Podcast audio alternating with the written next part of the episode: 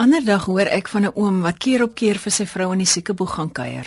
Al het sy Alzheimer siekte en al ken sy hom lankal nie meer nie. Toe iemand hom vra, "Hoekom doen oom nog die moeite?" Die tannie weet tog nie meer wie oom is nie. Toe antwoord hy, "Maar ek weet nog wie sy is." So gaan sit ek ook nog soms by my Alzheimer ouses in die siekeboeg. Meesal het haar leë oë nie meer die vaagste benul wie ek is nie. Maar ek weet nog wie sy is. En ek weet wie sy altyd sal wees, al steel die siekte haar tydelik. Ek weet hoe sy was. Ken haar, die lagende een, die liefdevolle, ruimhartige, bekwame, die storieverteller met oë wat onnutsig skitter. Daarom gaan sit ek by haar en ek hou haar hand vas en ek praat onbenullige nonsensies. Of ek bly sommer net stil, want die sin tussen ons het verskuif en die klem val nou op onverwoordbare dinge, soos aanraking, teenwoordigheid en bloot wees. Die laaste tyd het ek egter weer meer met haar begin praat. Al het ek nie geweet of my woorde enigsins vir haar sin maak nie. Ek het gehoop my stem toon sou. Dat dit herinnerings en emosies in haar diepte sou herroep en herbevestig. Ek het al die lekker lagstories uit haar kinderdae vir haar oor vertel. Presies net soos sy dit altyd vir ons vertel het.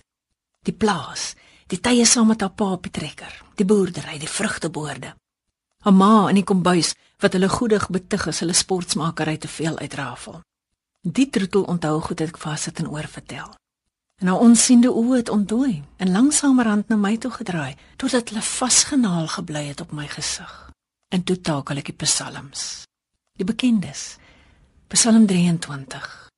Die Here is my herder. Hy laat my neerlê. Hy laat my rus. Net goedheid en guns en tuiswees. In Psalm 121. My hulp kom van die Here wat nooit sluimer of slaap nie, wat my ingang en my uitgang bewaar. En ek vertel haar hulle gaan haar verskuif uit haar enkelkamer na 'n vierbedkamer nader aan die verpleegsters, sodat hulle nog beter na haar kan kyk. Ek stel haar gerus. Ek sê oor en oor, alles sal oukei okay wees. Dit sal reg alles oukei okay wees, ousus, ook wanneer die Here jou kom haal.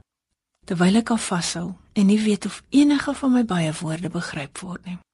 En toe Toe ek uitstap by die geknelde kamertjie en reeds in die eensame ontsmette gang staan, toe hoor ek al van binne af. Dankie. Net dit. Dankie Here vir die kosbare voorreg van taal en kommunikasie. Amen.